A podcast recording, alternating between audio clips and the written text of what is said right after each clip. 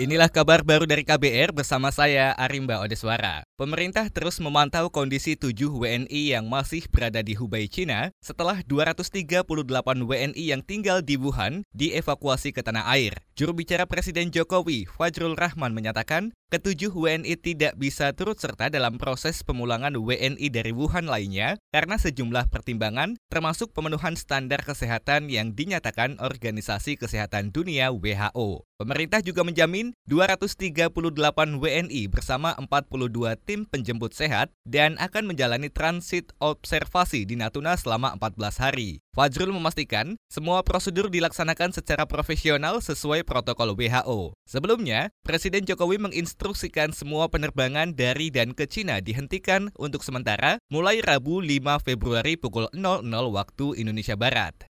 Sementara itu, saudara, warga Kabupaten Natuna, Kepulauan Riau, menolak proses observasi ratusan warga negara Indonesia (WNI) yang dijemput dari Wuhan, Cina, minggu kemarin terkait penyebaran virus corona. Salah satu warga Natuna menyebut, warga mulai khawatir dengan keberadaan sekitar 238 WNI yang sudah ditempatkan di wilayah Pangkalan Udara Lanut TNI Raden Sajat Ranai Natuna. Sebagian warga bahkan tidak berani keluar rumah. Apalagi lokasi penempatan ratusan WNI itu hanya berjarak sekitar 2 km dari perumahan warga. Selain itu, tidak ada fasilitas yang memadai di lokasi karantina dan observasi itu. Ratusan WNI itu akan menjalani observasi selama 14 hari dimulai sejak minggu kemarin.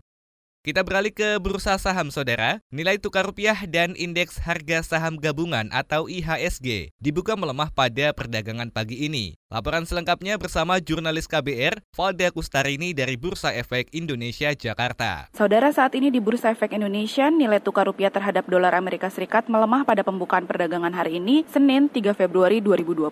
Rupiah melemah 0,12 persen atau turun 17 poin menjadi 13.672 rupiah per dolar Amerika Serikat. Padahal jika dibandingkan posisi penutupan perdagangan akhir pekan lalu, nilai tukar rupiah ditutup menguat 2 poin atau 0,01 persen ke level 13.655 rupiah per dolar Amerika Serikat. Sementara itu masih berdasarkan pantauan KBR, indeks harga saham gabungan atau IHSG pagi ini juga dibuka melemah di level 5.920,97. IHSG melemah 0,32 persen atau 19,08 poin. Kemarin IHSG masih berada di sentimen negatif dengan menunjukkan penutupan di level 5.940,05 melemah 1,94 persen atau 117,54 poin. Dari Bursa Efek Indonesia, Valda Kustarini, KBR. Beralih ke informasi selanjutnya, Saudara. Asosiasi Gula Rafinasi Indonesia atau AGRI menyebut, hingga akhir Januari 2020, lima pabrik produsen gula kristal rafinasi berhenti beroperasi sementara akibat kehabisan bahan baku. Ketua Umum AGRI Bernardi Darmawan mengatakan, keterlambatan izin impor gula mentah dari pemerintah menjadi penyebab berhentinya produksi di pabrik gula itu. Artinya nih di